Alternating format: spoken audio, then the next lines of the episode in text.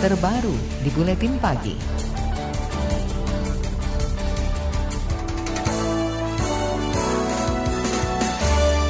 Kejaksaan Agung menetapkan lima tersangka terkait dugaan korupsi PT Asuransi Jiwasraya. Jaksa Agung Muda Tindak Pidana Khusus atau Jampitsus Adi Tugarisman mengatakan, dari lima orang tersangka, tiga orang di antaranya tercatat pernah menjadi petinggi di Jiwasraya. Antara lain bekas Direktur Utama Hendrisman Rahim, bekas Kepala Investasi dan Divisi Keuangan Jiwasraya Syah Mirwan, dan bekas Direktur Keuangan Jiwasraya Hari Prasetyo. Sementara dua lainnya dari pihak swasta, yakni Komisaris PT Hansen Tradisional Beni Cokro Saputro dan Presiden Komisaris PT Trada Alam Minera Heru Hidayat. Jiwasraya menginvestasikan sebagian dananya di kedua perusahaan ini. Saya kira sebagaimana diketahui bahwa kita mempersangkakan pasal 2 primer, kemudian subsidiarnya pasal 3. Kalau ditanya atas dasar apa, ya perbuatan sesuai dengan rumusan unsur pasal itu.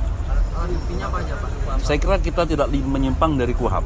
Kita akan mengacu kepada KUHAP 184 saksi, kemudian surat, dan lain sebagainya. Dalam penjelasannya, Jampitsus atau Jaksa Agung Muda Tindak Pidana Khusus Adi Tugarisman enggan menjelaskan peran masing-masing tersangka yang ditahan itu. Sebelumnya, Kejaksaan Agung juga menyebut ada 55 ribu transaksi mencurigakan terkait dugaan korupsi perusahaan plat merah tersebut. Kuasa hukum tersangka Beni Cokro Mukhtar Arifin mengaku bahwa Kejaksaan Agung tak dapat menetapkan kliennya sebagai tersangka dugaan korupsi Jiwasraya. Arifin mengklaim bahwa Beni tidak merugikan Jiwasraya. Ia juga mengaku bahwa kejaksaan tak menunjukkan bukti yang jelas dalam penetapan tersangka Beni. Yang bertanggung jawab siapa? Kita berasumsi yang bertanggung jawab ya Jiwasraya. Kalaupun ada pihak-pihak lain ya bisa saja. Tapi PT Hansen itu tidak ada, tidak ada urusan apa-apa lagi. Kuasa hukum tersangka Beni Cokro Muhtar Arifin mengatakan keterlibatan kliennya sebatas mengeluarkan surat utang jangka menengah senilai 680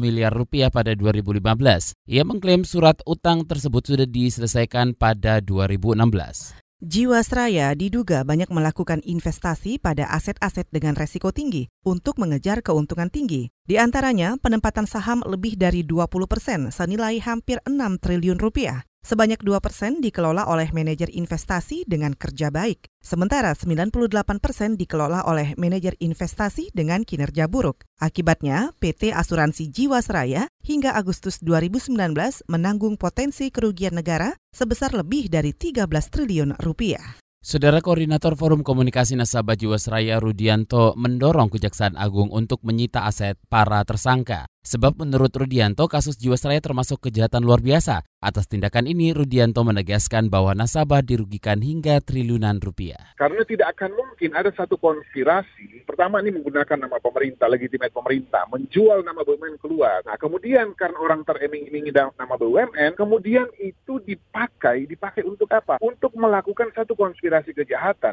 Nah nggak mungkin cuma satu dua orang di situ, Mbak. Itu tadi Koordinator Forum Komunikasi Nasabah Jiwasraya Rudianto. Pada Oktober lalu, Jiwasraya meminta penundaan pembayar klaim polis produk asuransi tabungan rencana yang jatuh tempo senilai 800-an miliar rupiah. Angka tersebut kemudian bertambah menjadi lebih dari 12 triliun rupiah untuk periode Oktober sampai Desember 2019.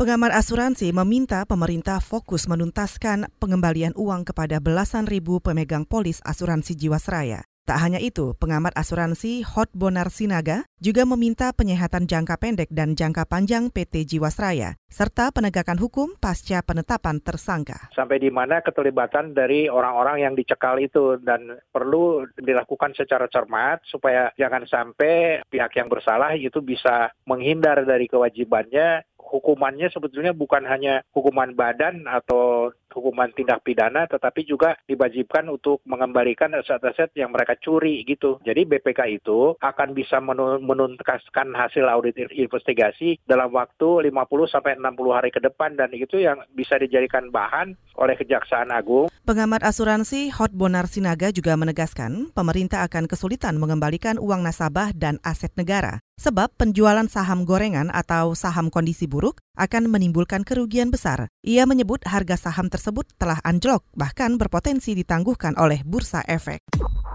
Anda tengah mendengarkan KBR, radio berjaringan yang berpredikat terverifikasi oleh Dewan Pers.